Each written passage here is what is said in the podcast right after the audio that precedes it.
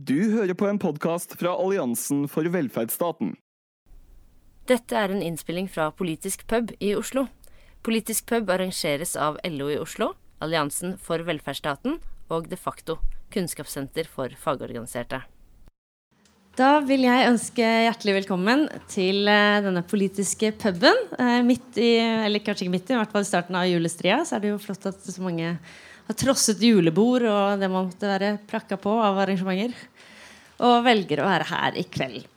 Uh, mitt navn er Ingrid Wergeland. Jeg er forlagssjef i forlaget Manifest. Og vi er med å arrangere denne politiske puben sammen med LO i Oslo, De facto og For velferdsstaten. Og i dette panelet for å snakke om arbeidstid har vi med oss et meget kompetent uh, panel. Som uh, mange av dere kjenner til, så er jo Politisk pub et ja, Skal vi kalle det et konsept? Eh, dette konseptet er at vi tar opp et politisk tema med ulike innfallsvinkler fra tillitsvalgte fra ulike bransjer.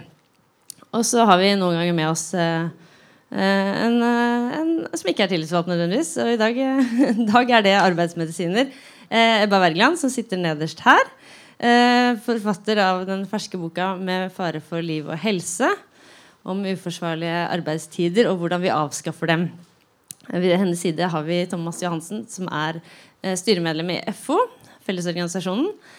Så er det Petter Wellesen, da, som er eh, leder i Fellesforbundet avdeling 603, Oslo bygningsarbeiderforening. Og så er det Jorunn Martinsen, hovedtillitsvalgt i Norges eh, norsk, unnskyld, norsk Butikkdrift, Handel og Kontor. Um, vi skal snakke om arbeidstid. Uh, og først så vil jeg ta en runde med dere som er tillitsvalgte. Uh, for å høre litt om hvilke utfordringer dere uh, opplever når det gjelder arbeidstid i de bransjene dere representerer. Begynner med deg, Jorunn. Vær så god. Utfordringen er vel egentlig at vi ikke bestemmer arbeidstida vår sjøl. Det er vel den største utfordringa. Og noen har jo problemer med å få fast arbeidstid òg, sånn at de vet ikke når de skal på jobb. Um, det er en stor utfordring hos oss. Hvor uh, om 14 dager så aner du ikke når du skal være på arbeidsplassen. Um, og også selvfølgelig utvida arbeidstid til både dag og natt.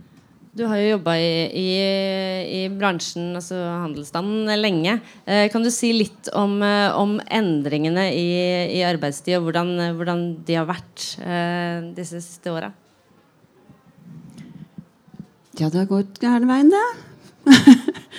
For når jeg eh, starta, så hadde jeg jo normal arbeidstid og gikk hjem klokka fem vanligvis. Og ett-to-tida på lørdag. Men uh, arbeidstida har jo bare utvida seg ettersom åpningstidene har blitt lengre. Etter at åpningstidsloven ble borte, så var det jo fritt fram og oppe døgnet rundt. Bortsett fra søndag. Og da har jo vi måttet jobbe også til de tider som bedriftene har funnet ut at det er lurt å ha oppe. Enten det er kunder der eller ikke, på en måte. Men uh, du, uh, dere har jo en, en klubb Hvorfor kan ikke klubben stoppe, stoppe den type utvikling? Ja, hvordan stopper man det, da? Hvis bedriften sentralt har sagt nå skal vi ha oppe alle butikkene med det navnet skal være oppe til klokka 11, så er det allerede bestemt. Butikksjefen som sitter i den lokale klubbens uh, samtaler, den, han har ikke noe å si. Så da er det bare å la være å jobbe. Det er det svaret du får. Hvis du ikke vil være der til stengetid. Gå videre til deg, Petter. Eh, hva er det i bygningsbransjen som, eh, som merkes når det gjelder arbeidstid? Ja, Det er ganske mye. Altså, det er et alvorlig trussel mot, mot normalarbeidsdagen. Det er det ene. Eh, det er, det er betaling for overtidstillegg og, og andre ubekvemstillegg står i fare for å forsvinne. Og disse ordningene med rotasjonsordninger for folk som er på, på reise, da, det, det uthules. Særlig dette med eh, forbundenes rett til å ha, ha, monopol på den slags uh, uh, ordninger. Bare mm. forklar, Det er ikke sikkert alle er, er familiære med begrepet rotasjon? Ja, at man uh, jobber litt eh, lange dager i perioder når du er, på, når du er eh, et annet sted. Det heter mer nattopphold utenfor hjemmet, heter det som regel i arbeidsmiljøloven. Da kan du jobbe lengre arbeidsdager, så kan du ha fri. F.eks. jobbe tolv dager, ha ni dager fri osv. Så sånn, noen kaller det for Nordsjøordninger, det er der det kommer fra. Men uh, det er jo blitt veldig vanlig på, på stasjonære bedrifter òg, eller særlig sånn i bygg og anlegg. Så uh, nå jukses det med den Jeg tror ikke det inngås en arbeidskontrakt i Oslo i dag hvor det ikke fins en sånn individuell avtale bygd inn i arbeidskontrakten om gjennomsnittsberegning etter paragraf 10-5 i arbeidsmiljøloven, som det heter. Det vil si at du kan gjennomsnittsberegne øh, ja, og det, I den gjennomsnittsberegninga er det ikke noe krav til at du skal ha nattopphold utenfor hjemmet. Det kan man gjøre. I 2015 ble jo dette liberalisert, så det ble litt lettere. Så nå innafor øh, det individuelle da, så kan du avtale at du kan jobbe 48 timer i uka. F.eks. i fire uker i strekk, og så kan du ha to ukers fri. Og det er, det er, ingen rotasjonsordning, men det holder til at tilreisende arbeidere syns at det kan passe som en sånn uh, ordning at man kommer hjem og så får uh, litt fellesskap med familien hver fjerde uke. Og det er blitt en, det er blitt en helt dominerende arbeidstidsordning på byggeplasser i Oslo. Fortsette med deg, Thomas. I FO dere organiserer jo eh, veldig mange forskjellige typer, typer jobber, men altså også mye innenfor barnevern, eh, russ.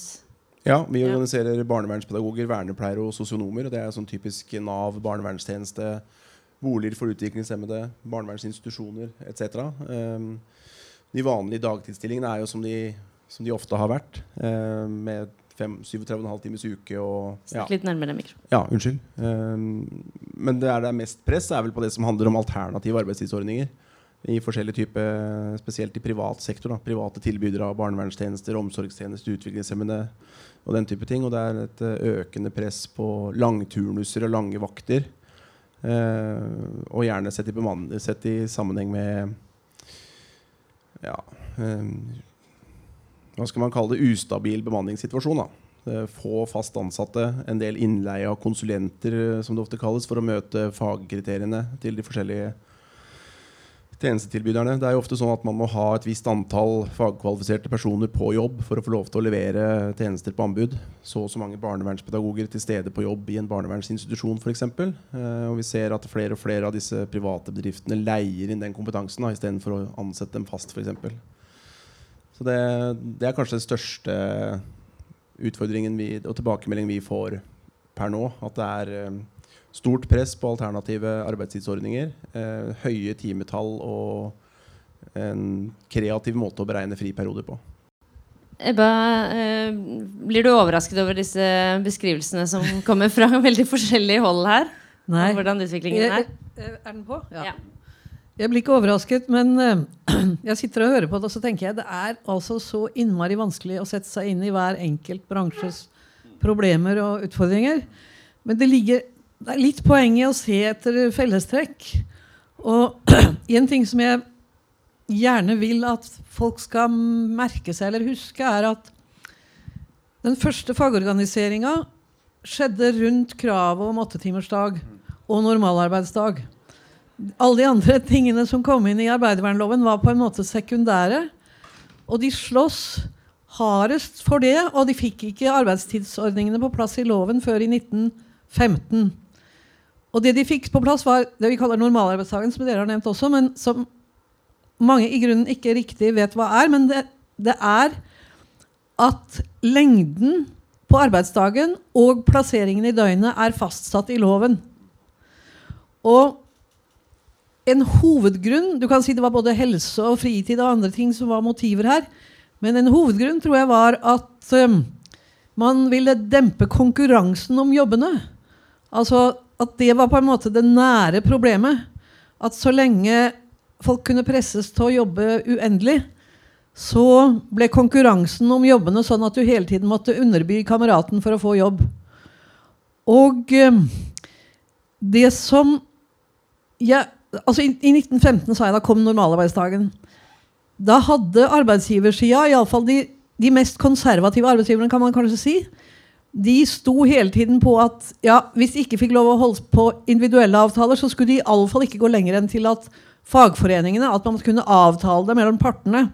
De ville for guds skyld ikke ha det inn i loven. Så kom det inn i loven allikevel, fordi politikerne den gangen var rimelig vettugge og hadde rimelig god kontakt med den andre sida.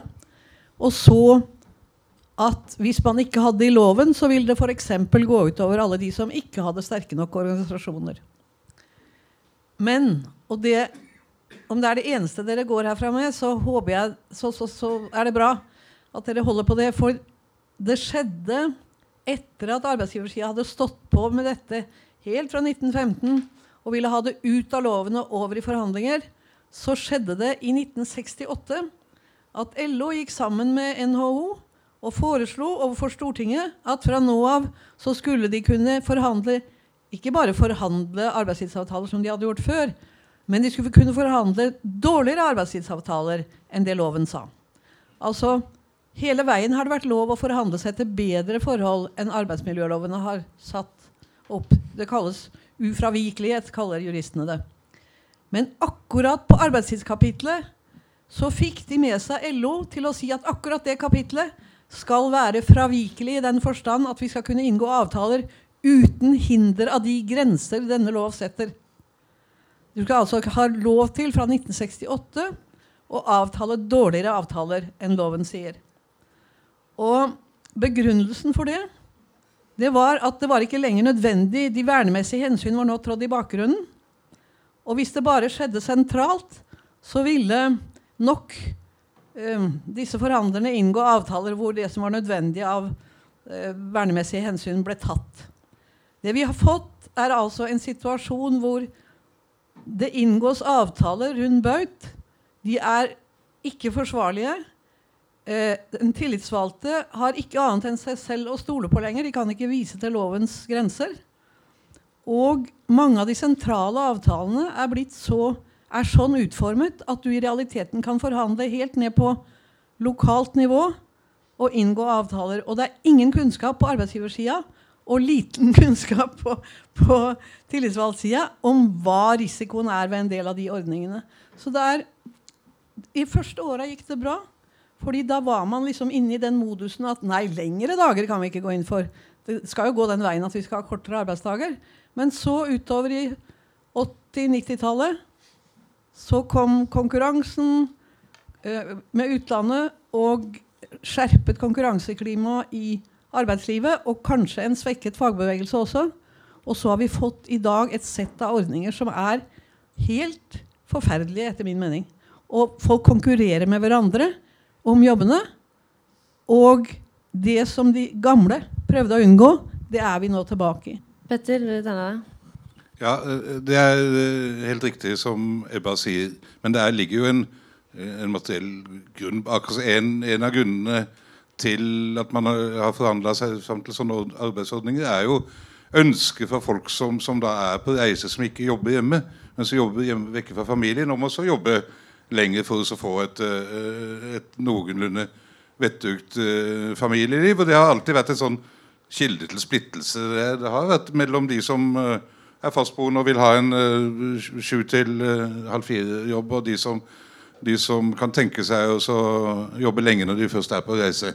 Det er så klart. Men så er det jo et tveegga sverd, for da er det noen som vil ha det. og så så, lager, så, så, er man på en måte med på eh, en underbyskonkurranse gjennom det. Men det som har skjedd med gjennomsnittsberegninga, det er jo at man da kan gjøre dette med en individuell avtale. Det, det var tross alt eh, fagforbund med innstillingsrett.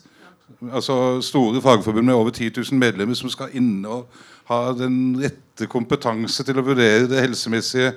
og sånt, Om det er blitt gjort, det er jo en helt annen sak, men det er i hvert fall det som står i loven. Og så er det nå helt individuelt. Og så skal det selvfølgelig, hvis dette brukes som en sånn avspaseringsordning eller en sånn uh, slags uh, arbeidsrotasjon, så skal det selvfølgelig ligge en arbeidsplan bak. Men det gjør det jo ikke. Det er jo rett og slett jobb så mye du vil, eller så mye du kan. Og så ser vi etter en stund om du har fått deg noen dager fri til så du kan reise hjem til hjembyen din. Eller kona di eller hunden din eller hvem det er som du vil besøke. Jorunn, eh, siden eh, vi, vi snakka litt om, om eh, butikk, butikkenes åpningstider i sted. Altså, der hvor jeg bor, så har vi en, en altså en dagligvarebutikk da, som åpner sju om morgenen og stenger ved midnatt. Eh, hva, hvordan, hvordan, påvirkes folks liv av å måtte stå opp kjempetidlig og komme hjem veldig, veldig seint? Eh, for, for, helt ordinære eh, oppgaver som å selge eh, melk og brød. Ja, hvordan påvirker folks liv? Hvis du går hjem klokka tolv om natta, så er du hjemme kanskje klokka ett, og så sovner du kanskje klokka to. Og så kan man jo da lure på hvordan dagen etterpå ser ut. Når spiser du middag? Når skal du på jobb igjen dagen etterpå? For den hviletida må du jo holde på de elleve timene. Så det blir jo en sein vakt dagen etterpå òg, da. Selvfølgelig for å ha nok tid imellom. Så må du plutselig ha fri en dag midt i uka og så jobbe lørdag isteden. For å få, hvis du har en heltidsjobb. Men det er det jo veldig få som har. Eh, veldig liten prosent av de ansatte som har heltid. Veldig mange av de som jobber kvelden, er studenter. Blitt etter hvert når det har vært så lange åpningstider. Men det blir jo mindre arbeid også på de som er på dagtid, fordi de skyver jo salget foran seg eller nedover på dagen. Um, så de kundene som kom fem på ti før, de kommer fem på tolv nå. Så for den ansatte så, så, blir det jo en feil døgnrytme da de egentlig skulle vært hjemme og sovet. Så jeg vet mange som er veldig slitne når de har jobbet sånn en stund. Du nevnte hviletida, for det er jo en del eh, bestemmelser eh, i loven. Eh, men, men, eh, opplever du at de følges, eller er det noe dere må fotfølge som, som tillitsvalgte for å passe på? Det er ikke så mange, mange ting i, i, lovverket egentlig sånn sett som vi må følge med på. Men det der med hviletid er det jo stadig noen som bommer på, da. Og de som prøver å sette opp en arbeidsturnus. Uh, å få til det, vi få som, som gjør det ordentlig, så er det jo tillitsvalgtes jobb å gå etter hele veien og se om det, om det faktisk er sånn som det bør være. Og så kan man lage individuelle avtaler der hvor den ansatte sjøl ønsker å gå seinvakt og så tidligvakt dagen etterpå, hvor de kan avtale helt ned til åtte timer imellom. Mm, men eh, det er som sagt Bedriften har lite kunnskap, egentlig, i, i forhold til det der med arbeid. Og tidspunkter og sånt. Dessverre. Men Opplever du at det er mange som, eh, som på en måte ønsker seg da enda mindre hviletid eksempel, enn en det, det de egentlig har rett på? Ja da. Det er jo, er jo mange som gjør det. De, av de som er på jobb eh, normal tid, da, altså vanlige ansatte. Som har det som, som inntekt, som levebrød. Um, for du, hvis du går ifra arbeidet ditt om kvelden, så er det lettere å ta igjen det samme arbeidet om morgenen. For da vet du hva du skal gjøre. Så og da kan det være ned til åtte timer som kan avtales, og det er det mange som syns er greit. Ved da å få en lang hviletid etterpå. Mye lengre avstand mellom vaktene. Ja, nå hadde jeg tenkt å gi ordet til deg uansett, Eba, for dette har du skrevet en, eh, et, en hel bok om. Ja, hvordan påvirker Ja, du kan gjerne Nei, eh, det interessante er jo hvordan vi løser dette. Og det er ingen eh, sånn sak og greie på en kveld. Men bare, hvis jeg får kommentere litt, eh, Petter, først. Um, Anleggsarbeidet er en spesiell problematikk og behovet for friperioder. ikke sant? Uh, men det som Det kunne vært løst selv om man hadde uh, overholdt lovens grenser for varighet av skift. Da ville dere på en måte hatt rammer som arbeidsgiver ikke kunne dytte dere på. Og da ville kanskje kravet om mer fri blitt sterk, stått sterkere. Men nå vet jo arbeidsgiver både at noen vil ha lengre Altså noen er villige til å ta lengre, da. Snakk nærmere mikrofonen. Og det blir, det, blir en, det, blir en, det blir en forhandlingssituasjon hvor dere på en måte ikke har noe i ryggen. da. Og jeg tror at uh, man kunne godt justere på loven på en del måter, men eh, grensene for hvor lenge man orker å jobbe dag og natt og enda holde, henge på, de er biologisk satt. Og derfor så er det egentlig helt vanvittig at det på en, måte er sluppet løs. Og det går utover helsa til den gjengen som, som lever med det. Eh, et, jeg mener jo at en del av disse yrkene burde ha kortere arbeidsuke som første, første krav. Altså. Men per i dag så er det mulig å splitte og friste med tillegg og masse sånne ting. Så tenker jeg på eh, altså jeg, det, konklusjonen jeg tenker loven er viktig, så kan man forhandle seg til bedre løsninger. Og eventuelt også justere loven. Men de biologiske grensene eksisterer faktisk. Altså. Kan ikke, kan ikke forhandle seg bort fra dem. på en måte. Og da tenker jeg på handel og kontor. For når du ser på åssen folk jobber om natta der, og så står det i liksom forarbeidene til loven at fordi nattarbeid er en spesiell belastning, må det bare tillates i helt spesielle tilfeller. Og så har du samtidig fått inn bestemmelser nå om at du kan avtale nærmest lokalt nattarbeid uten å ta hensyn til nødvendigheten av arbeid engang. Sånn det, er, det er et virvar som en har blitt presset ut i. Og det er ikke lett for den enkelte tillitsvalgte, og heller ikke for fagforeningene og forbundene, tror jeg. Det er en skikkelig opprydding som må til. Men altså, jeg skulle ønske at man på en måte så fordelen ved å ha loven som et minstekrav, og så får man heller finne på løsninger på andre måter. fordi at den forsvant i 68. Fram til da hadde Stortinget sagt at man kan ikke åpne for å kunne lage hull i arbeidsmiljøloven og, og forhandle seg til dårlige løsninger. Så, så det hullet det vil ta tid, men jeg, jeg skulle ønske at vi tenkte litt på hvordan det kunne tettes. Og så ville muligheten for å splitte arbeiderne også blir mindre. For da har du en lovstøtte som står der selv om det er dårlig organiseringsprosent, selv om folk står svakt. Så, så å jobbe litt mer med å komme tilbake til pre-68 skulle jeg ønske vi kunne. For Det er klart at det er jo en del eh, jobber i samfunnet som må gjøres eh, døgnet rundt. Eh, så kan man jo diskutere hvorvidt det å plassere knekkebrød i hyllene absolutt må gjøres klokka seks om morgenen.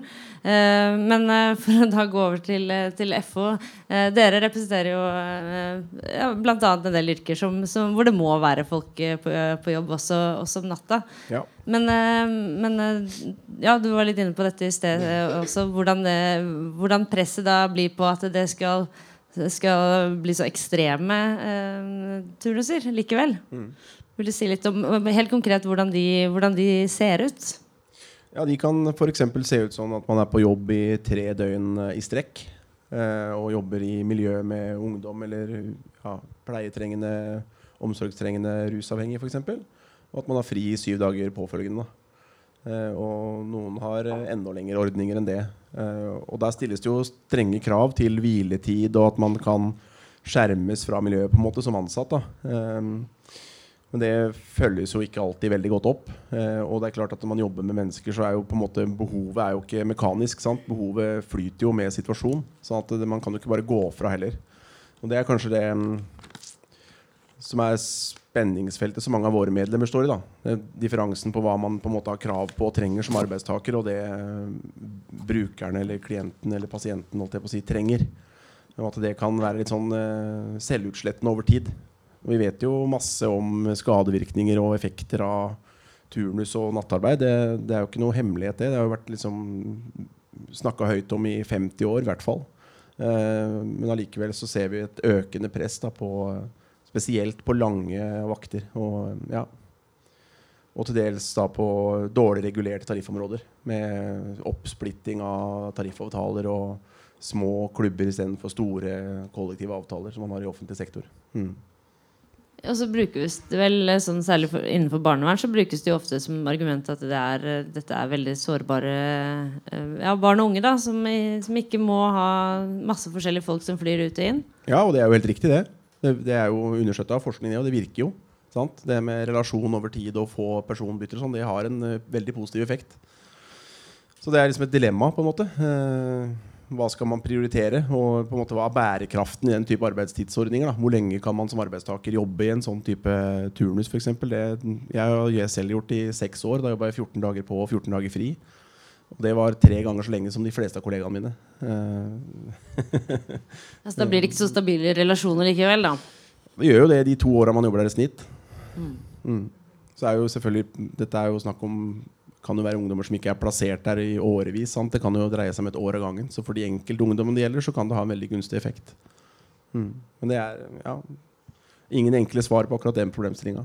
Men det er en reell utfordring å ivareta de ansatte over tid. Da. Og gjennom et yrkesliv på 40 pluss år så, så viser jo statistikken eh, Den er ganske dyster på kvinnedominerte yrker, f.eks. innenfor helse og omsorg, så er det jo utgangen, den reelle utgangen av arbeidslivet er jo langt før fylte 67. Sant? Over på støtteordninger, uføretrygd, den type ytelser. Da. Det betyr jo at uh, AFP-ordninger f.eks. treffer jo ikke våre medlemmer i det hele tatt, egentlig.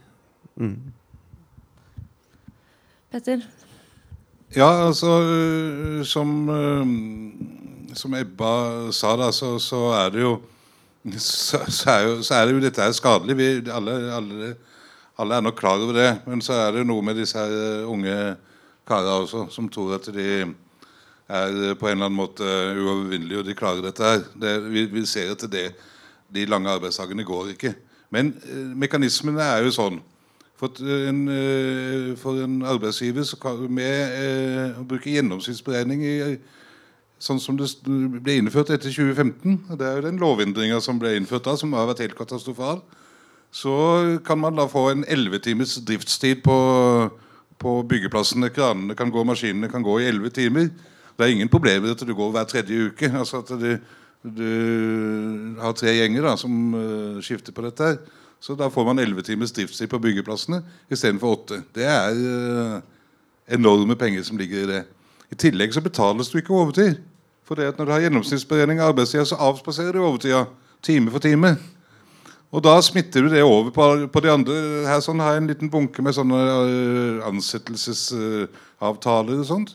Der står det Overtid er en frivillig sak å betale. Det betales ikke tillegg. Det er, det er jo en funksjon av det at man har fått en uh, at man har kunnet gjennomsnittsberegne arbeidstida og fått vekk overtidsbetalinga, så er det klart at da kan ikke da, da kommer ikke vanlige fastboende folk som da en og annen gang jobber overtid, til å komme inn i den forhandlingssituasjonen de heller til at de kan, uh, at de kan forlange det. Det er utkonkurrert. Det er arbeidstida som helt riktig er en uh, konkurransefaktor som er så, så sterk at vi, vi klarer ikke å stå imot. da, Eller vi har ikke klart det. Så er det jo riktig da, at det er jo i forbundene vi kan gjøre det. Altså Det, det finnes rammeavtaler da, i, om uh, gjennomsnittsberegning og sånt som, som, er helt uh, vekk nå, for det at det er i loven. Altså Loven er, uh, gir adgang til 48 timer etter uh, individuell avtale. Jorunn, vil du si litt om, om, nattarbeid? Fordi det er sikkert ikke alle som vet hvordan dere, dere har det i, i Handelsstand når det gjelder nattarbeid? Det er sikkert mange som har eh, verre enn eh, en den bedriften jeg jobber i. Um, for iallfall i, uh, i de butikkene som er våre, som er filialer, da. Jeg kan ikke svare for franchisedriften. Um, så har vi bare én butikk. Jeg sjekka det nå senest i går. Som har fast nattarbeid. Vi har en butikk til nede i Stavern. Men de har det da når de er nødt om sommeren, når det er for stort press rett og slett på på varetrykk. Da må de ta inn ekstra folk og fylle opp om natta. Eh, den ene butikken måtte det. Var vel egentlig eneste løsningen som jeg så også. Det ble ikke diskutert så veldig mye i forkant, men det bare ble bare bestemt at sånn må vi gjøre det. Det var uh, turister og folk i butikken til stadighet, og når varene kom, så var det ikke plass til kundene. Det var rett og slett fullt veldig trang, dårlig plassert lager et annet sted enn der butikken er, i kjelleren. Så det var rett og slett uh, en nødvendighet å få noen til å fylle opp hyllene om dagen hvis vi skulle ha noen kunder Nei, om natta hvis vi skulle ha noen kunder her om dagen. Så det er tre til fem mennesker hver natt som, som jobber fra sånn halv tolv og halv ett om natta. Noen har jo prøvd seg og måttet gi seg og sagt at dette klarer jeg ikke. Mens det fremdeles er eh, ja, mellom tre og fem stykker av dem som jobber hver natt. da. Uh, og det meste er studenter. Så jeg er litt sånn synes det er litt skummelt ja, da, at de skal være der om natta og jobbe, og så gå på skolen dagen etterpå. Men det er nå min mening. Men, eh, men, det er jo rett og slett fullt lovlig, selv om, selv, om, selv om, det i arbeidsmiljøloven står at det kun skal være høyst nødvendig. Ja, det er derfor jeg er veldig glad for at det er bare den ene butikken. Jeg vet det er en til også som har prøvd seg, men som ga seg igjen. I den butikken jeg jobba, så gjorde de også det, altså jobba utover den vanlige arbeidstida som de ansatte fant på det sjøl. At uh, vi får jo ikke opp varene. Kundene er jo her hele tida. Vi får ikke gjort noe. Det er bare rot. Ehm, så de var en tre-fire stykker som da fylte opp varer etter at butikken var stengt. Uh, så dette her kan ikke jeg skrive under på, den turnusen der, for den er totalt ubrukelig. Så fikk vi ny butikksjef, og han hadde samme mening som oss. Så da ble den borte veldig fort. Så, men den andre butikken også, da, som, jeg, som, jeg, vet om som har prøvd seg på det, de slutta med det. Fant ut at det var bare tull, for det var for lite folk på dagtid. Og ansatte ble slitne, rett og slett. Så de slutta med det. Um, Ebba, eh, Thomas eh, Jansen fra FH her eh, nevnte det, det, man vet fra forskning litt eh, sånn overskriftsmessig at det, er, eh, at det er skadelig med turnus og, og nattarbeid. Og sånn. Vil du si litt mer konkret? Når vi nå først har en lege i salen, fortell oss. Hva gjør det med kroppene våre når man må jobbe altså, jeg, jeg, beklager, men jeg, jeg, Du må ta mikrofonen. Jeg var, var en gang det satte et merke i meg en, den første gangen jeg holdt foredrag om skiftarbeid. Da kom det opp en sint mann og sa at vi vet at det er farlig, men hva skal vi gjøre med det? Og etter det har jeg sluttet å si noe særlig om hvor farlig det er. For folk hører det opp stolper og ned vegger og vet det. Så derfor er jeg litt sånn litt nølende på å svare på hva det gjør med oss. Um, det er ikke godt, og det har vi visst i 100 år og mer. Og nyere forskning har ikke bekrefter bare det vi alltid har visst. Så Forbud mot nattarbeid det var på kravene fra arbeiderne i Norge før forrige århundreskifte. Så eh, det var et godt krav. Mm. men jeg er, jeg er, fortsatt opptatt av det der med individuelle avtaler, kollektive avtaler, lov. Altså, Når det gjelder deres forskrift, så er det jo for sikkerhets skyld lagt ned til individuelle avtaler, og dere har krevd å få det på at fagforeningen skal komme inn. Det er fornuftig, men jeg skjønner ikke hvorfor dere ikke krever at dette skal lovfestes, og at dette med behovet for det må dokumenteres etter nærmere bestemte regler. Fordi så lenge det er på fagforeningsnivå, så vil du få mange rare hensyn inn som man ikke riktig kan overskue, og så vil det derre skli. Og når det sklir ett sted, så sklir det de andre stedene også. fordi at konkurransen gjør at når noen går foran og lar det skli, så må de andre henge på. Så, så jeg liksom bønnfaller FO for eksempel, om å gå til Krev en lovparagraf. I tillegg til at dere må kunne forhandle alt dere vil som er bedre. Men krev en lovparagraf som setter minstekravet til medleverordningene. Det er liksom ønsket mitt. da. Og det gjelder for så vidt dere andre òg. Altså, jeg syns det er uhyggelig hvordan dere som jobber i, i, i detaljhandel og for så vidt en, eh, på lager og en del andre steder. Altså, hvordan folk går rundt må stå opp klokka fire om morgenen for å ta for, sørge for noe transport eller noe sånt. Det er dels Transportarbeiderforbundet også, men altså tidlig start, som er nesten det samme som nattarbeid. Og nattarbeid, som du beskriver, som ikke på noen måte er bra for folk, som ikke er nødvendig. Og den butikken din Du hører jeg er nesten litt aggressiv, men den butikken du nevner, du vet, hvis det var forbudt eller altså Alternativet er å gjøre det innmari dyrt, men da skal du være god på å stille krav. Eller være ganske sterk, da. Men hvis det hadde vært forbudt, så hadde de ikke kunnet operere med så små lokaler at det ikke var plass til å gjøre begge deler på dagen. Ikke sant? Det er noe med rammebetingelsene i loven som man ga avkall på i 68, og som er farlig, tror jeg. Så arbeidsmiljøloven er enormt moden for revisjon. Og i øyeblikket er det bare Solberg og gjengen som skal dra det i gæren retning. Nei, arbeidstidsutvalget. Siste skremmende eksempel. Der har LO skikkelig utfordring. Det er en masse paragrafer du kan gå rett inn på og si de må vekk, de må vekk, de må vekk. Og det, Sist så vant jo Arbeiderpartiet valgkampen da de gikk ut og sa de skulle reversere um, endringene i arbeidsmiljøloven. husker jeg i 2005-2006. Og der har jo Arbeiderpartiet en gavepakke, om de vil. altså. Hvis de bare tar noen av disse sentrale paragrafene og sier det skal vi gjøre noe med, så tips dem, sier jeg bare. Gjennomsnittsberegningen, f.eks.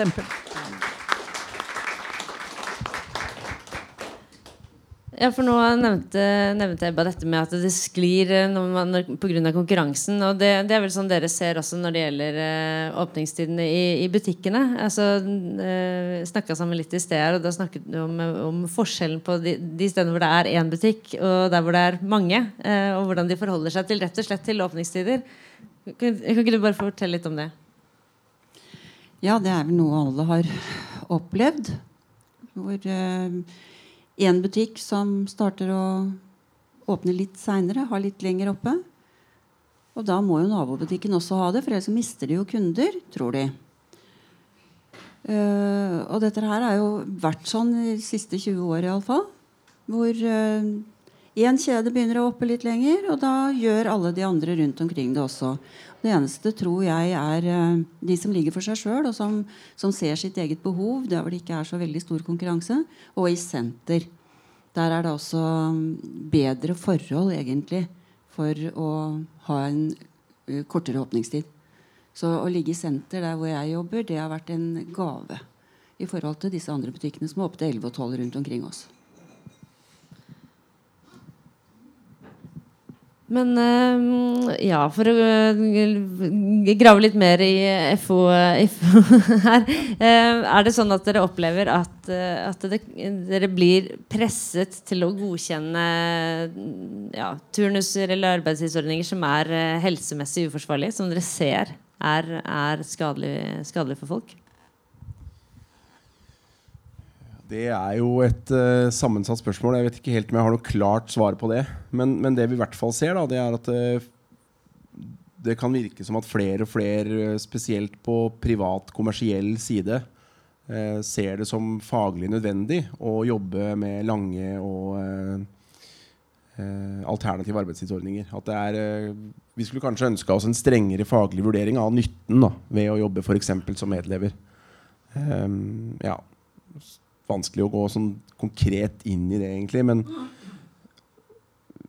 hvis jeg skulle tillate meg å spekulere, så ville jeg vel tenke at uh, en del av de stedene som organiserer arbeidet som medlever, de gjør det primært av økonomiske hensyn og ikke av rene faglige hensyn. For det er jo en rimeligere måte å å eh, ha folk ansatt på. Man slipper ofte unna med færre årsverk og dermed færre arbeidsgiveravgifter og den type sosiale kostnader og sånn. Mm.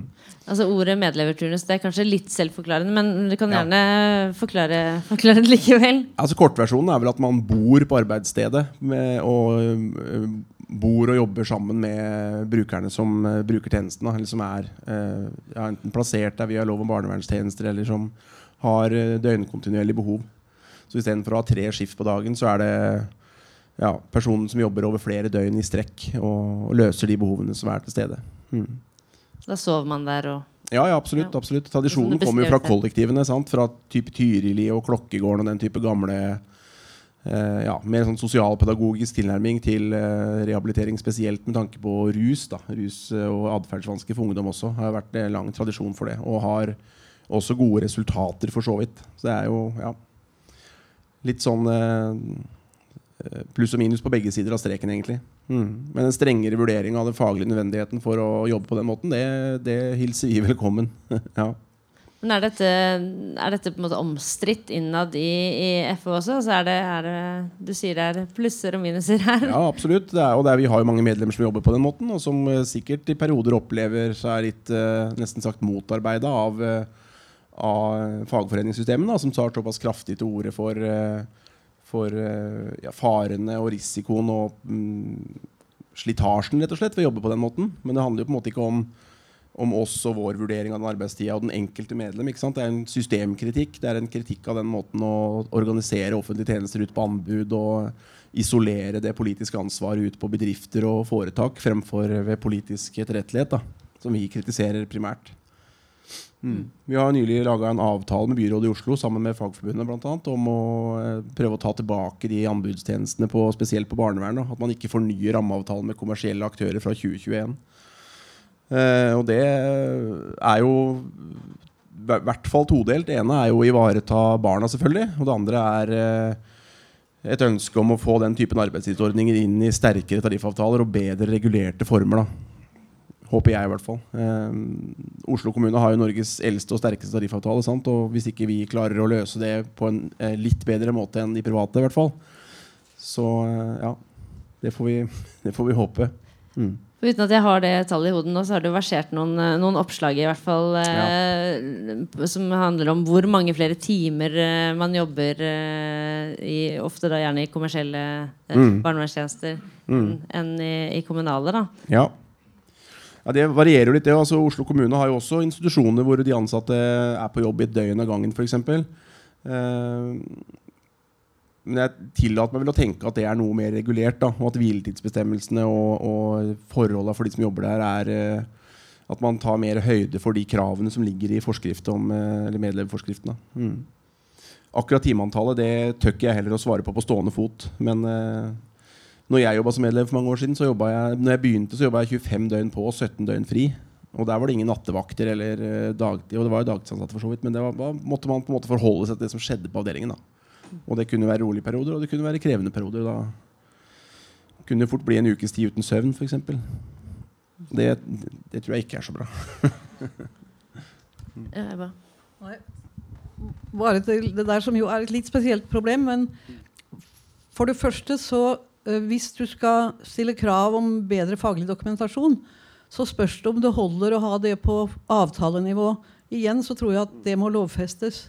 Men det en vet, er jo at disse medleverordningene de er veldig sårbare for helseproblemer hvis de er ansatt for helseproblemer, eller endring i familiesituasjonen. Og som du selv var inne på, turnover er ganske høy. Og så spørs det da om kontinuiteten for unga er viktigere gjennom døgnet enn over noen år. Og da kan man ha forskjellige teorier om det, men i alle fall, jeg tror jo at i og med at det er såpass sterke økonomiske insentiver, som det heter i dagens tale, for å kjøre sånne lange vakter, så det, har det tendens til å gå foran, altså drive fram dette helt uavhengig av faglige behov. Og det minner meg også om sykepleierne, som altså ikke fikk arbeidstidsordninger eller lovfestet arbeidstid før på slutten av 30-tallet, fordi de måtte være hos pasienten døgnet rundt og dag og natt. Og eh, det hadde de jo ikke noe godt av, og det hadde selvfølgelig ikke pasienten godt av heller. En utslitt eh, sykepleier og utslitt, et utslitt FO-medlem er heller ikke nødvendigvis det beste for en uh, unge med problemer. Så det er en del å ta der. Og utfordringen min er se på lov, lovoppdekninga i tillegg til det at dere vil ha fagforeningskontroll på det. Det tror jeg. Ja, du ville tegne deg igjen, Abbas? Ja, jeg tenkte bare jeg skulle si at det, det er litt på sida av det du sier nå, egentlig. Men utgangspunktet for medlever eh, arbeidstidsordningen er jo ikke en arbeidstidsordning, det er en metode. Sant? Det er en måte å jobbe med utsatte personer på. Da. Så det, det har jo gått fra å være en ideologisk basert metode for tilnærming og relasjonsbygging og på en måte jobbing over tid til å være en måte å organisere arbeidet på. Og det er, eh, Jeg personlig tenker at det handler mye om de økonomiske kreftene som ser at det er en eh, gunstig måte økonomisk å organisere arbeidet på. Da. Ja. Det har vært noen ganske eh, heftige avsløringer av hvor mye disse kommersielle barnevernsprofitørene uh, tjener på dette også. Sånn at det, Det var vel, det var ja. vel ideologi som lå bak sykepleiernes lange vakter også, vil jeg tro. Altså Man hadde en tanke om at dette var en kvinnelig plikt, ikke et yrke. Mm. Så det var ideologi der òg. Ideologi kan være så mangt.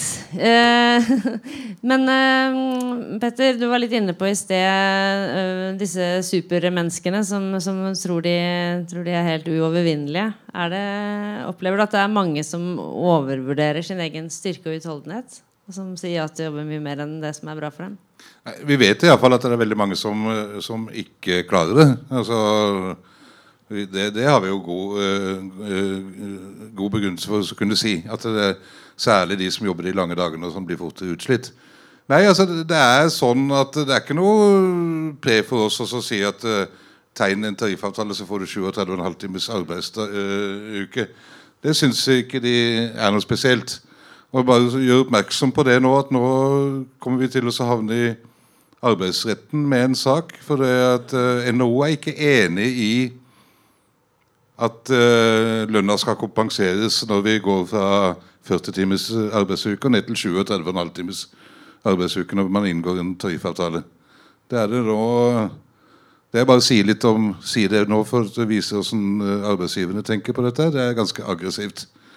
Men, men vi har liksom ikke fått til det å si uh, nå skal jeg gå ned til 37,5 times arbeidsuke, og så, og så som, som, som, en, som, en, som, en, positiv ting. Det, da tenker de med en gang da får jeg 2,5 timer mindre i uka i lønn. Uh, om, det en, om, det er en, form for uovervinnelighet, det vet jeg ikke, men det er en form for fattigdom i hvert fall. Altså at man må ha det. Og så er det jo så tankegangen uh, Arbeidsgiverne har lykkes helt med å slå splid med oss. for Ehm, de får lurt folk til å si at eh, hvis du forlanger overtidsstilling, så får du jo ikke noe Da kan du gå hjem. Da koster det meg 300 kroner istedenfor 200 kroner. Men hvis du kan gjøre det til 200, så kan du få det. Og Da vil de heller jobbe tre-fire timer til 200 kroner timen enn å miste de timene. De tror det er sånn, mange tror det er sånn det skjer.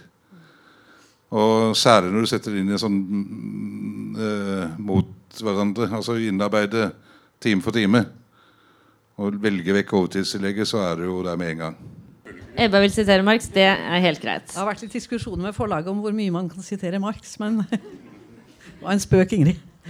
Um, de første fabrikklovene kom jo i England på begynnelsen av 1800-tallet, så det passa godt at Marx skrev ganske mye om dem, og ganske interessant om dem, faktisk. For alle som er interessert i arbeidsmiljø, så er Marx en ganske spennende kilde. Eh, men han sier om arbeidervernlovene at de er samfunnets barriere som skal hindre arbeiderklassen i å selge seg og sin slekt til død og slaveri. Altså Det er også en beskyttelse for oss sjøl, fordi alle fristes av penger. Jeg pleier å sitere en, en um, tillitsvalgt sykepleier som som sa det at en skal være bra søvnig eller bra trøtt for å si nei takk til en dobbeltvakt hvis en får 11 000 for den. Altså, Det er normale menneskelige mekanismer. Det skjønte Marx. Det skjønte Oluf Christian Johansen, som var med i Arbeiderkommisjonen. Han ville ikke at det skulle betales for mye overtidspenger, men at arbeidsgiver skulle betale avgift når han brukte overtid. Og den avgiften skulle gå inn i sykekassen, for alle visste jo at utslitte arbeidere trengte sykekasse. Sånn at det derre med å, å, balansere kompensasjon mot at det ikke skal bli for fristende. Altså Det skal ikke bli for fristende for oss, og det skal ikke bli for billig for arbeidsgiver. Det har vi levd med hele veien, og det er fortsatt en utfordring som du er inne på. Men det er bare vi må ta den utfordringen og se hvordan vi gjør det. Det, er, eh, det finnes flere måter, og en av måtene er å lage noen absolutte grenser for hvor langt en kan dra tida. Det er en del av det, for da, kan, da står du på og krever grunnlønn i stedet. F.eks. istedenfor tillegg.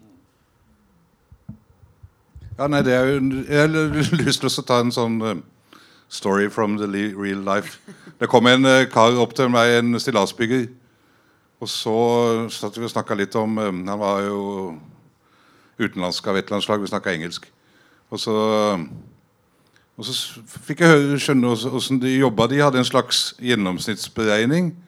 Eh, timebank, kall det hva du vil. Og den var sånn at eh, hvis eh, de var litt forsinka på mandag, så de måtte jobbe kanskje til eh, ja, utover kvelden, da, kanskje de jobba til 11 om kvelden for å bli ferdig med et eller annet. Og de ble jo ikke helt ferdig, så dagen etter så jobba de bare til to. For da var det jo, var det jo ferdig. Da fikk de eh, betalt for eh, den ene dagen, så fikk de ikke betalt for de overskytende timene den andre dagen. Men de fikk jo ingen overtidsbetaling. Så sier de må jo ha en fast plan. Altså, selv om dere har gjennomsnittsberegning, eller sånt, så må dere ha en plan, så dere vet hva dere skal jobbe neste torsdag. Om dere skal jobbe til sju eller til Nei, da får vi jo ikke timene våre, som han sa. We don't get our hours. Og det var jo det viktige. Så det var jo To get our hours, we got to have our hours. Det var, det var liksom det som var det viktige for dem. Og det timetillegget det, og, og hvordan de jobba det Det ikke, går iallfall ikke an å ha et familieliv under sånne klima som det. det. Men dette tror jeg er helt vanlig for uh, bransjen. Jeg tenkte at vi skulle åpne for litt uh, spørsmål eller innlegg eh, fra salen. Og da er det veldig kjekt om dere kommer opp hit og tar, får mikrofonen, sånn at uh, alle hører. Og så kan dere gjerne uh, presentere dere. Og hvis dere representerer noen andre enn dere selv, så kan dere gjerne si det òg. Ja, uh, Geir Kvam fra Fellesforbundet. Det vil si jeg kom fra Transportarbeiderforbundet og ble med på flyttelasset. Uh, faktisk intervjua og Ebba i, i, den, i, den, boka der. Så fint bilde av han her. ja, men det var fint. Det får du spørre kona om. men, men uh, jeg jobber da med, primært med lastebilsektoren, taxi og buss. Og i lastebil så det ble sagt her tidligere, så det eneste argumentet som i hvert fall ikke virker, det er hvis du begynner å snakke arbeidstid. Tralleryrket er ikke uh, Man snakker ikke arbeidstid. Det er livsstil, kaller de det. Og den livsstilen tjener jo bileieren bra på, så det er han glad for. Det betyr at gjennomsnittsbrenning er ukjent. For å si på trøndersk, som en sjåfør sa til meg når jeg sa du kan jo jobbe tre uker av 54 timer, og så kan du ta fri den fjerde uka. Og da kommer spørsmålet unnskyld ordspråket hva faen skal jeg gjøre da? Jo, men altså, det, det, er en, det, er en, realitet. Og det gjenspeiler seg bl.a. i den bransjen. Hvilket lønnssystem har de? Det er et lønnssystem de ikke har, og det er timelønn. Man bruker ikke. Det blir for komplisert.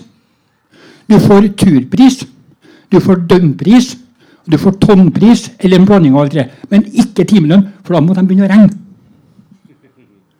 Og Det høres veldig sånn ironisk ut, men det er et faktum. Jeg vet ikke hvor mange ganger jeg har holdt med bransjen her i, fag, i fagforeningssammenheng. så jeg har holdt på i 20 år. Og det som også er et særpreg, er at i de bransjene der man ønsker arbeidstid, buss f.eks., der har du en høy organisasjonsprosent. Lastebil ønsker ikke arbeidstid. I Norge totalt mellom 10 og 20% som er organisert.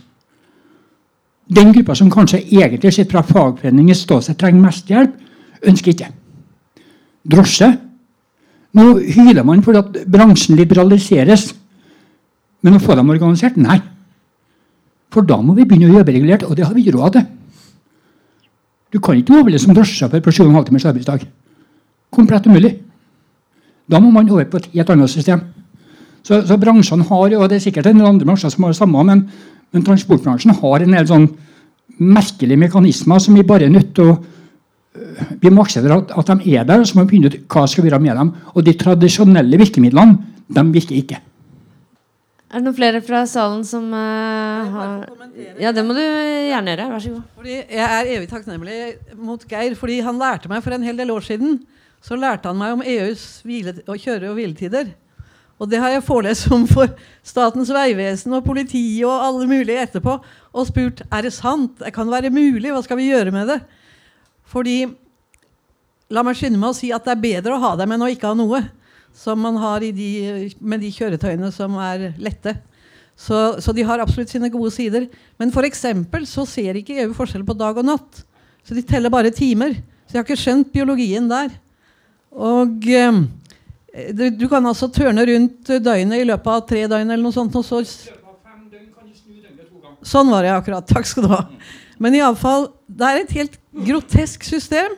Og det fungerer uten at noen uh, Jeg er livredd når jeg har biler bak meg som kommer fra Europa. Det må jeg innrømme Om kvelden så føler jeg meg ganske usikker hvis det kommer en trailer opp nært bak meg. Da kjører jeg heller til side, og det er sikkert trailersjåføren glad for. Men uh, det er altså så mye rart i det regelverket som snarere, tror jeg, da, er for å lage like konkurransevilkår enn for å ta vare på sjåføren. Yes, Fauzi Adem heter jeg og er regionsleder for handel og kontor. Så når man hører om hvordan butikkansatte har det, så tenker man fy faen, det her må vi gjøre noe åt. Vi, sitter ikke heller på latsiden. Jorunn har vært med i en arbeidsgruppe nå også. Eh, der vi har tatt fram eh, eller først, Vi er ikke beskyttet mot nattarbeid. Eh, det eneste beskyttelsen vi i varehandelen har, det er mot søndagsarbeid. Og det er en annen lovgivning eh, enn arbeidsmiljøloven. Jeg tror det er viktig at man tenker litt, eh, litt på det. Sånn. Men vi har jobbet fram nu tre krav som vi mener gjør det mulig for arbeidsgiveren å ha sånne lange åpningstider. Og da må vi slå der det kjennes mest, og det er pengene. Så vi har krevd at det skal være 100% erstatning for nattarbeid. Men samtidig så har vi en usolidarisk bestemmelse som heter 12-timersregelen. Det betyr at arbeidsgivere kan ansette folk på 12 timer i uken uten å betale tillegg. Da har vi sagt at uh, den skal også fjernes. Uh, og uh, dette er vi beredte å streike for. Og da trenger vi er hjelp òg. i tillegg. For jeg tror at Det som er fint med fagbevegelsen, det er at vi er solidariske med hverandre tvers over forbund. Eh, lovverket er ikke der for oss. Derfor vil jeg også at dere hjelper til eh, når vi vel streiker. Og kommer med eh, Vi har gule vester, så det bare å opp. Ok, Så det høres ut som det altså, så Kravet er da at uh, man ikke skal kunne ha disse ansette folk tolv timer i uka, og da får man ikke noe som helst uh, tillegg? Er det sånn det er? Ja. Nei, det, det, er et krav vi kan støtte, ja. Flott. Hei. Jeg heter eh, Gerdinger Polden og er med i aksjonskomiteen for sekstimersdagen. På 80-tallet så satt jeg i Eh, landsstyret i Norsk tjenestemannslag. Og da var faktisk eh, eh, kampen for sekstimersdag allerede ganske høyt oppe på bordet. Det kan dere faktisk se hvis dere går inn på eh, Nasjonalbiblioteket og søker på, på dagsorden sekstimersdagen. Der er det ledende Arbeiderpartifolk og en del SV-ere som har skrevet uh, alle uh, kapitlene i det lille heftet, som nå er uh, digitalisert på Og de har alle de gode argumentene som vi har holdt på med siden midten på 70-tallet, faktisk. Så dette her handler bare om at de herskende tanker er de herskendes tanker, og nå er dessverre herskerne er på høyresida. Det er ikke noe annet å gjøre enn at vi går ut og krever og bråker. Organiserer oss og stiller kravet sterkt. Prøver å få det til på alle mulige måter på de forskjellige arbeidsplassene. Og ikke minst tar det med i alle sammenhenger. For dette har vi ikke helse til.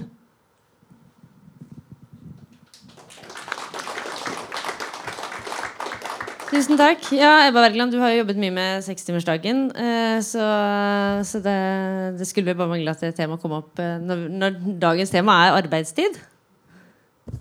Ja, jeg tror at noe av det som er veldig viktig med sekstimersdagsdiskusjonen, det er at vi må huske på hvilken retning vi skal. Fordi at Noe av det som skjedde på begynnelsen av 2000-tallet, da de skulle revidere loven, det var at det plutselig var glemt at det var kortere timetall til lønnsarbeid man skulle ha, at man slåss for kortere dager. Det holder sekstimersdagen fast ved. Og det nifse i dag er at det har nokså lenge nå vært sagt at vi må jobbe lenger og mer. Og det kommer fra begge sider av, av de store partiene. Og, og, det er litt skummelt, for det det betyr, er jo at Før så sa vi jo full sysselsetting er kravet. Men eh, men nå sier de høyt arbeidskrafttilbud er kravet. Altså de, de snakker om at arbeidskrafttilbudet må være høyt. Og hvis arbeidskrafttilbudet blir høyt, så blir det litt sånn som i handel og kontor f.eks. Eller bygning. At du mister hele kontrollen på, på eh, arbeidstider, lønn osv. Så videre. sånn at det er en forferdelig farlig myte som er ute og går, at vi må jobbe lenger og mer. Og akkurat den tror jeg en skal passe på, for det kommer fra så mange kanter. akkurat det der, Og, og vi har alle en slags sånn husmorsamvittighet. hadde jeg slags, sånn at Vi tenker ja, kanskje vi burde jobbe mer. Ja, Vi er i grunnen litt dovne og late. Men det er ikke sant. altså Det som de sa, de gamle, som jeg liker godt Kristian Holtemann Knutsen er en av mine helter. Stiftet LO og Arbeiderpartiet og alt mulig. Han snakket om at vi må rasjonere på arbeidskraften. Derfor ville han begrense Derfor ville han ha normalarbeidsdag, åttetimersdag, han ville ha pensjon. Altså Man måtte begrense det man kastet ut på arbeidsmarkedet. Ikke jobbe mer. Og det, det tror jeg vi, vi, er i den situasjonen. Eh, handel og kontor har jo trøbbel altså med ja, Som jeg skjønte på dere da, iallfall, at Nav-klientene skal plasseres hos dere. Og hvis du får folk som ikke går på tarifflønn og tariffbetingelser, så er systemet på en måte solgt. Vi hadde det for mange år siden, Kaja-midlene. Liv Nilsson var sterkt ute fra Kommuneforbundet og gikk mot det. Tarifflønn skal det være. Og det var også en av grunnene til at, fat, at uh, fagforeningene ga støtte til arbeidsløse så de skulle slippe å gå på fattigkassa. For på fattigkassa forlangte de at du skulle gå ut og ta arbeid som ikke var tariffbetalt, men fagforeningene holdt på krav til tarifflønn. Så en del myter der ute. Og sekstimersdagen har en ganske sterk sånn symbolkraft. For den sier at vi både kan og må begrense det mengden timer vi stiller til rådighet for arbeidsgiver. Og jeg skulle ønske at en del av de anleggsarbeiderne fikk 30 timers uke tvert. Det hadde de ærlig fortjent. Det er ikke alle det er enkelt for å lage seks timers skift på alt. Men en hel del av nattarbeiderne, skiftarbeiderne, anleggsarbeiderne bekymrer meg spesielt. Og ellers i bygning også. Altså 30 timers uke ville gi dem tid hjemme og mer menneskelige skiftlengder.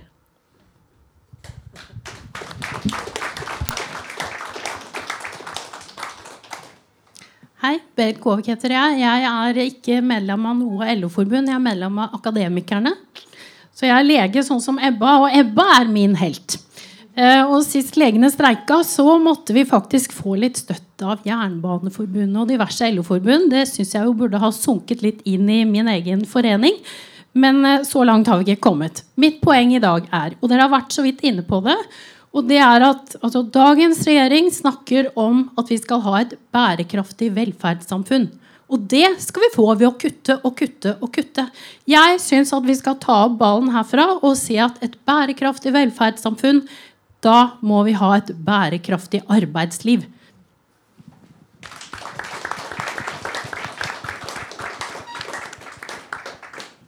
Hei. Jeg heter Ørn. Si, jeg drikker, jeg òg, men jeg er også doktor. Men jeg er sånn som meldte meg ut av Legeforeningen i 2005, for jeg syntes at det var mer kurative legers forening. Altså de som driver med behandling, og ikke så mye forebyggende helsefremmende arbeid som vi arbeidsmedisinere. For jeg er sånn som Ebba, arbeidsmedisiner. Eh, fram til nyttår så var jeg i NSB, som det het den gangen. Og nå er jeg pensjonist. Vi var eh, en av de 300 som måtte slutte fordi at de skulle møte konkurransen da, mot Go-Ahead og noen andre. Men jeg er veldig opptatt av mye av det samme som dere sier. Og så tenker jeg, det var en par ting jeg tenkte. Og det ene som har vært mantra, for jeg har jobba over 40 år som arbeidsmedisiner og bedriftslege, det er en uting, og det er liksom det vi hele tiden møter. Det derre smusstillegget, det er det verste vi har når vi skal jobbe med godt arbeidsmiljø. Altså Så lenge du får godt betalt, eh, så godtar eh, altfor mange altfor mye som går utover helsa på lang sikt. Det var sånn når du sier det er det tolvtimers og andre. Altså det, det, blir omtrent som piggdekkforbud. Bare du betaler for å kjøre med piggdekk, så forurenser ikke. liksom. Eh, får du betalt, så er det ikke farlig. Eh, og det er et problem at eh, du får den lønna. Når du fra butikken sier liksom nattarbeid og tenker at det er bare når butikken er stengt om natta, men arbeidsmiljøloven legger opp til at natta det er fra 9 om kvelden. 21. Hvorfor i huleste H skal butikker være oppe etter klokka ni? Eller som eh, en av disse gutta sa, har du ikke handla i løpet av lørdag, så kan du vente til mandag. Liksom. Altså det, det, er noe med, Vi er ikke nødt til det. Og det burde vi kunne gjøre noe med. Og de der, eh, ja, de der kjekke unge gutta på byggeplassen Jeg kjenner jo en del fra doktorsida også når vi har gått sånne vakter. altså Eh, det er ikke uvanlig at du har en vanlig arbeidstid som kommunelege, som jeg var en stund. Så var det liksom fra ni til fire eller et eller annet. Og så var det vakt fra fredag klokka fire til mandag klokka åtte om morgenen. Og så var det på jobb igjen. Eh, altså Vi er vant til noen vakter. Og, og, noen av oss tåler det. Og det er sånn at de som er eh, 25-30-35 år, de tåler stort sett. Og i perioder så vil de, i hvert fall de gutta som har noen til å ta seg av unga hjemme, og som ikke skal i barnehagen og ikke skal følge opp unger og være med på foreldremøter, og alt sånt noe, dem klarer det uten at de tar noe skade av det. Men når du fortsetter 20-30 år, så, så, er det helt åpenbart at de som blir tvinget inn i disse systemene med skift og turnus over lang tid, de får plager. Særlig de som ikke er unge nok. Og det sliter vi med. Så oppfordringen til tillitsvalgte særlig, skal vi komme ett skritt videre, så må vi i hvert fall slutte med de der som sier OK til å kutte ned på den derre minste hviletida på 11 timer ned til 8. Det er en uting. Det skulle vært forbudt som bare det. Eh, og det møter vi stadig vekk. At eh, ja, det er jo noe som eh, det er forhandla og det er godkjent. Og det kan du i tilfeller hvor det er tariffavtale og hvor foreningene har gått med på det. Men du kan ikke pålegge den enkelte å ta for korte vakter. Det må den enkelte si ja til. Men du gir føringer. Så det å slutte med det å gå ned til under 11 timers hviletid eller eh, sånn eh, arbeidsfri mellom økter, det må vi i hvert fall få til. Og alle de overtidsberegningene, ja, det er et virvar. Jeg skulle ønske vi fikk en runde hvor noen tok og rydda opp i arbeidstidsbestemmelsen og så kutta alt det der eh, unntak og disp og alt det der greiene. Men det får vi ikke til før noen får en ny regjering. Og at den regjeringa ikke bare er Arbeiderparti-dominert, men at det kommer inn en del mer radisforslag på det. Og det skal vi jobbe videre med, flere av oss. Takk.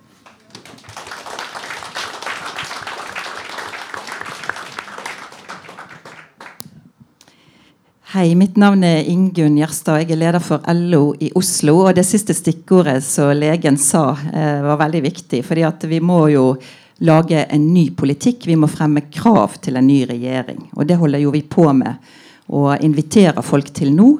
Sånn at uh, I tillegg til å organisere oss sterkere på tvers Vi støtter legene sin streik for arbeidstid, og Handel og Kontor må få støtte til sin måte å, å få orden på.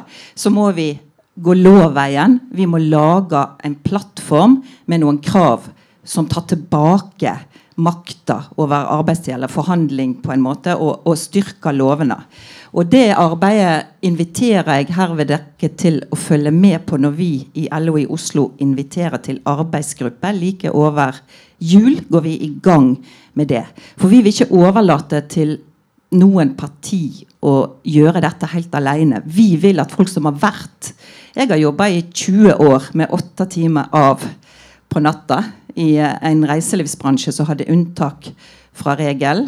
Og jeg kan godt si mye om virkningene av det, men jeg skal ikke trøtte dere med det. Men, men, vi som har støvlene på i disse bransjene, vi må lage de forslagene sammen med Ebba sine forslag og leger og fagpersoner. Så dere må følge med på LO i Oslo sitt nettsted.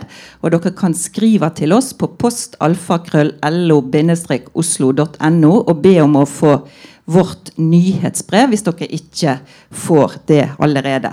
Så åpner vi opp for deltakelse og forslag.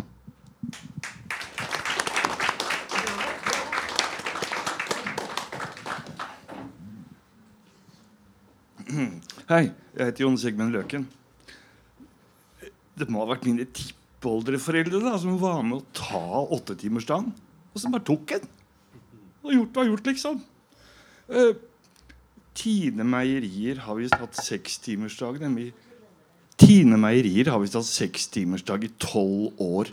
Sekstimersdag med full lønnskompensasjon. Alt gikk til himmels. Bortsett fra sykefraværet. Det sank jo. En suksesshistorie som har gått egentlig langt under radaren. Så egentlig så er jeg litt sånn svimmel. Hvor faen blei jeg av? Hvorfor har vi ikke kjørt fram disse folka? Hvorfor var ikke det smitt? Sånt. Eh, jeg blir litt svett. Særlig når Erna og disse sier at eh, jeg er ferdig med yrkeslivet. Jeg da, uføretrygda. Men dere må jobbe lenger. Og dere skal sikkert jobbe hardere også. Vi har jo bare 10 000 milliarder på bok. Takk.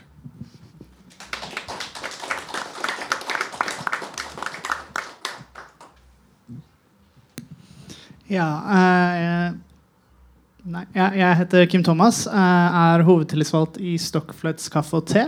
Uh, og så sitter jeg også i styret i restaurant uh, og hadde gleden av å sitte på den høye krakken sist gang og se ingenting. Så jeg håper dere ser litt mer enn det vi gjorde når vi satt der oppe. Det er interessant dette med Det er egentlig to ting jeg har lyst til å spørre dere om. det ene er jo det som nevnes her med timelønn kontra fastlønn utbetalt i måneden som ikke er avhengig av hvor mange timer du jobber, men som rett og slett knytter seg til kontrakten din. Eh, for det er jo noe vi sliter med i hotell- og restaurantbransjen. At du har en 50% kontrakt som tilsvarer 100 timer. da, i Litt under 100 timer i, i måneden. Eh, og så blir du kanskje satt opp på 70. Og hvis ikke du følger med, så får du ikke de siste 30. Eller du blir satt opp på 100, og så plutselig får du beskjed om å jobbe 150 fordi at noen er syke. Og det har man jo ikke planlagt for. Det er kanskje derfor man har 20 ansatte, for at de egentlig skal jobbe 50 Eh, prosent. Så det, det er liksom det, det, det, at vi har mulighet til å betale folk per arbeidet time, og ikke en fast månedslønn, det ser jeg som en av de største utfordringene som vi har eh, når det kommer til å få det arbeidet du har krav på, og, og rett og slett ikke bli misbrukt. Eh, så det er det ene. Det er litt på siden av temaet, men siden noen nevnte det, så vil jeg ta opp det også. Eh, det andre er at vi snakker om lengden på vakter. Eh, og for meg så er det litt sånn Det er litt pussig, fordi det jeg hele tiden blir møtt med, er Kan vi avtale å ha totimersvakter? Kan vi ha 20% eller 10% som jobber to timer hver dag, seks dager i uka? Fordi det er jo bare sånn at alle de som sitter på kontoret i dress, de spiser lunsj mellom 11 og 12. de. Det er da vi må ha fem stykker på jobb, ellers klarer vi oss med én. For vi skal jo ikke vaske og rydde opp etter de. Gud vet hvor skittent det er på en del av de kafeene og restaurantene rundt omkring. Så, så, så jeg, jeg, jeg, forstår ikke helt altså, Ja, sier, man sier at i tariffavtalen min så er det syv timers arbeidsdag som gjelder, hvis ikke vi har avtalt noe annet. Meg bekjent så har jeg aldri avtalt noe annet i min bedrift. Eh, og jeg har påpekt det siden lenge før vi fikk tariffavtale. Men jeg har fortsatt folk på jobb i tre timer i lunsjrushet. Uh, og de er 20 ansatt, og uansett hva jeg sier, så skjer det ikke noe. Så, så det er litt sånn, fordi det er bransjen. Det må vi forvente. Og må vi egentlig det? Skal det kunne gå den veien, er det greit?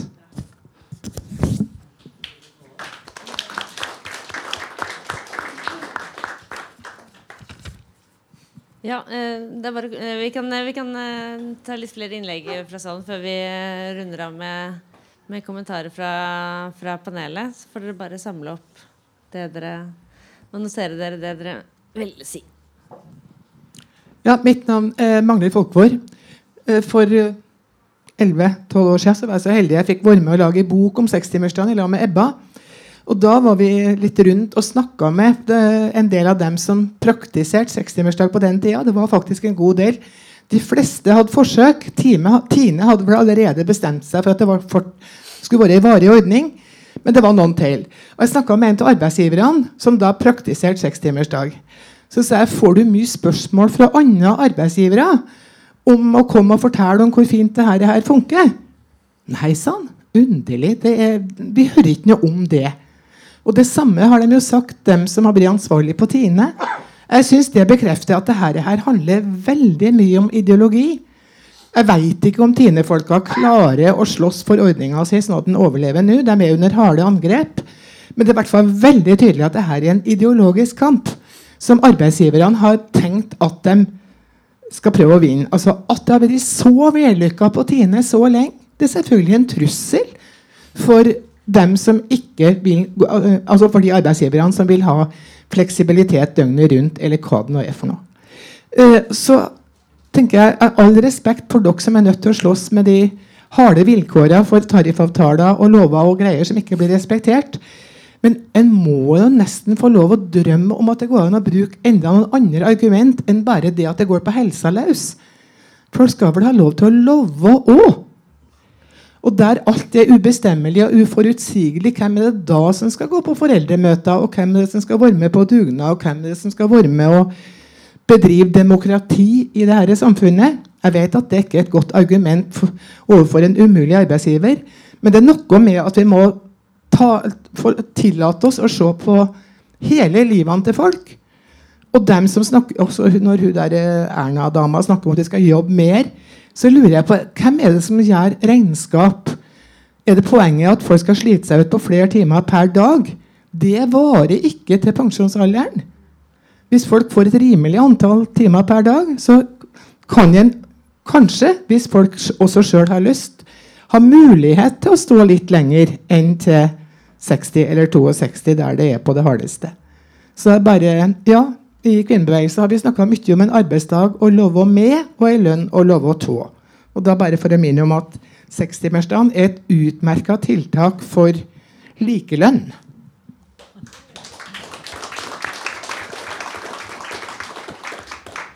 Da tenker vi skal runde litt av eh, med noen eh, siste kommentarer. Vil du, vil du, starte? Ja, hva var det de spurte om? Det, jeg det som sitter igjen inni hodet mitt, var eh, restaurantarbeideren som ville ha timelønn. Og så, så prøver vi å få folk til å gjøre andre veien. Men Ja, månedslønn. Ja. Ja. Fast lønn. Ja, men da er vi helt enige med han. For det er eh, det jeg har jobba for i, i, lang tid. Coop som sådan har jo det, men ikke vi som sitter som en sånn sekk utapå i salaga. Men månedslønn er absolutt det som man eh, må jobbe for å få. Da har man iallfall sikker på å få de timene man har avtalt at man skal ha. Men, øh, men kjenner du igjen dette med altså, totimersvakter? er jo helt ekstremt. Er det noe, Vil du si noe om det i butikk òg? I butikk så har vi veldig mye deltid. Av um, 2000, nesten 800 ansatte per i dag, så har vi vel 655 som er heltidsansatte. 1200 stykker av dem jobber så lite at de kommer under det som vi snakka om i stad, den tolvtimersgrensen. Og det betyr at de har da i snitt f.eks. tre-fire timer i uka. Det er ikke akkurat noe å leve av. Så, men det er evig, en evig jobb. Om igjen og om igjen og om igjen. og om igjen. Så fort det kommer en ny butikksjef inn, så må du begynne å lære opp han til hvordan han skal sette opp turnuslister og hvem han skal ansette. Og så plutselig så har han ansatt noen allikevel som vi ikke vet om. Så det er et evig arbeid. Petter? Ja, øh, hva skal jeg si eh, Et av tiltakene som vi mm, kan bruke, det er jo eh, som bygningsarbeidere har brukt eh, med, med, litt hell. Altså, Oslo-modellen og Telemarksmodellen og, og sånn. Få inn ting i, i offentlige innkjøpsordninger. Eh, så jeg mener at arbeidstid eh, må på en eller annen måte inn i, inn i de innkjøpsordningene. At det må være et forsvarlig nivå på det. Men da har jeg egentlig lyst til å gjøre salen oppmerksom på ja, det det at eh, Statsbygg i sine seriøsitetsbestemmelser faktisk hadde inntil i høst forbud mot å bruke gjennomsnittsberegning som en uh, istedenfor en rotasjonsordning. Du, altså det var forbudt å ha gjennomsnittsberegning av arbeidstida hvis du ikke hadde nattopphold utenfor hjemmet, altså hvis du, hadde, hvis du var pendler. Det tok de ut igjen nå i høst. Og Jeg er ikke helt sikker på det, men jeg, ganske, jeg har sterk mistanke om at det er pga. Arbe aggressive arbeidsgivere som uh, påpeker ganske riktig at det er ikke noe krav til det i arbeidsmiljøloven, og vil da bruke arbeidsmiljøloven og, og rettssalen da, som et uh, tvangsmiddel overfor staten og statens byggevirksomhet. Det, det, er sånn de har uh, holdt på hele tiden. altså sette, sette de progressive folka der opp som gisler. Så, ja. Ja, det er jo sagt, uh, sagt, mye. Men tenker det er lett å støtte ønsket om faste og hele stillinger og forutsigbar arbeidshverdag i alle bransjer. Tenker at Det er et sånn grunnleggende verdispørsmål. Uh, til det med sekstimersdag så er jo det noe vi i FO har liksom hatt på programmet lenge, og som vi tenker er en fin måte å fordele ja, arbeider på. Og det vil jo også være et godt virkemiddel med tanke på deltidsproblematikk, f.eks., som er høyaktuelt for våre medlemmer. For, for, mange som jobber i deltidsstillinger. Og en fin måte å gjøre noe med den fordelinga rett og slett på. Mm. Jeg tenker at Den primære trusselen er jo den realpolitiske situasjonen. Altså Presset er jo på arbeidsmiljøloven, som igjen presser på tariffavtalene. Sant? Så det er jo en sånn ond sirkel. Eh, hvor fagforeningens måte, påvirkningsmulighet til og med på tariffavtalene er såpass eh, uh, utfordra. At uh, Å se for seg å få til uh, akutte, gode resultater på arbeidsmiljøloven er kanskje litt sånn urealistisk fram til 2021. Avhengig av hva som skjer da. Mm. Det er jo ikke urealistisk. Vi har LO Oslo med oss. Så det var virkelig et hyggelig innlegg og viktig innlegg om LO Oslo tar dette med i, i sine forslag til foran valget, eller jobbe med de riktige kravene. på en måte. Jeg var så heldig å være med da LO forsvarte arbeidsmiljøloven i de der åra 2004, 2005, 2006. Og da var det veldig mye aktivitet rundt på grasrota. Og en veldig solid forståelse av hva som var kjernepunkter i arbeidsmiljøloven, og hvorfor en trengte dette og hint. Og det reddet arbeidsmiljøloven den gangen. Og eh, vi trenger, vi trenger, nok noe lignende nå. Jeg, jeg, kan bare Siden det har vært snakk om eh, eh, smustillegg, så har jeg bare lyst til å sitere en av dem som er nevnt i denne, som dessverre døde for noen år siden. Men han var tillitsvalgt i Norsk Kjemisk. Og han, eh, på et møte jeg var, så, så tok han akkurat opp det med smusstillegget og eh, sa at vi må lære oss å tenke likedan om tilleggene for ubekvem arbeidstid som vi lærte oss å tenke om farlige kjemiske stoffer. I stedet for å kreve tillegg, så krevde vi bedre arbeidsforhold. Og eh, det, er, ikke så lett alltid, men er, eh, tankene har nok vært der hos mange i fagbevegelsen, tror jeg. Det er ikke i dag dette har oppstått. Ellers så Hotell og restaurant eh, de har alltid forbausa meg, for jeg, så aldri noen saker fra dem i Arbeidstilsynet når jeg var der. Aldri noen arbeidstidssaker fra dem. Og det gjorde meg jo nærmest bekymra. for fordi jeg lurte på hva slags avtaler er det de går på. Og når du sier det med 20% stillinger og sånn, så får jo jeg altså assosiasjonen til disse 13% stillingene som de har i helsesektoren. Altså det er jo et uttrykk for at arbeidsgiver forsøker å skreddersy bemanningen. Altså De er så livredde for det de kaller overbemanning. Og for all del må de ikke heller få noe såkalt unødvendig overtidsbetaling. Men de skal skreddersy bemanninga. Og det er selvfølgelig et resultat av styrkeforhold og eventuelt manglende lovgivning. Så interessant det du sa. Hele arbeidstidssaken er et kjernepunkt sånn som jeg oppfatter det, i forholdet mellom arbeid og kapital. Det er brennbart. Det blir alltid skikkelig motstøt hvis vi prøver å ta opp noe der. Og arbeidsgiversiden er veldig aggressiv på akkurat det. Jeg vet Arbeidstilsynet prøvde å få inn spørsmål om arbeidstid i IA-avtalen. Det var blankt nei, altså. Enda det er den mest ekskluderende faktoren i norsk arbeidsliv. Så vil de ikke, ha, vil de ikke høre om arbeidstid i, i IA-avtalen. Og det er ganske talende, syns jeg. Så ellers så, Denne boka, som jeg, ikke, jeg har god pensjon, så jeg er ikke avhengig av at folk kjøper den av den grunn. Men noe av det viktige tror jeg er at jeg tror det er sunt hvis vi går på tvers av bransjene og begynner å snakke sammen. Fordi lokførere og sykepleiere jobber turnus, og de har helt forskjellige forhold. Det er mann-kvinne-yrker. Hvorfor er det sånn? Tradisjonelle skiftarbeidere har helt andre syn på hvordan skiftene skal organiseres enn de som er blitt kommet inn i det seinere. Turnus og skift har forskjellige strategier for hvordan de skal på en måte kontrollere arbeidstida. Sånn at hvis arbeidstid kan være et sånn et tema vi tar på tvers av bransjene, sånn at vi kan lære av hverandre hva som er mulig å gjøre, hva, man, hva slags krav man kan stille, så tror jeg at det ville være en styrke i det videre arbeidet. Og så håper jeg inderlig at arbeidstid særlig arbeidstidskapitlet i loven blir, eh, får en skikkelig forslag til revisjon. Ja, takk.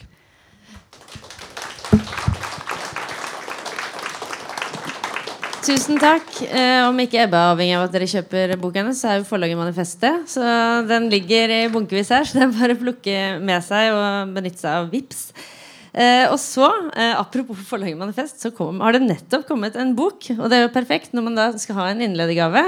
Nemlig denne flotte boka her, som passer bra når det snart er jul. 'Mellom bakkar og kjøttberg'.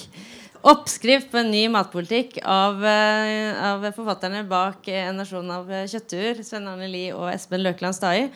Et veldig spennende kapittel som handler om arbeidsforholdene i kjøttbransjen. Deriblant, for å si noe, da. Så vær så god, og god jul, og takk for at dere var med.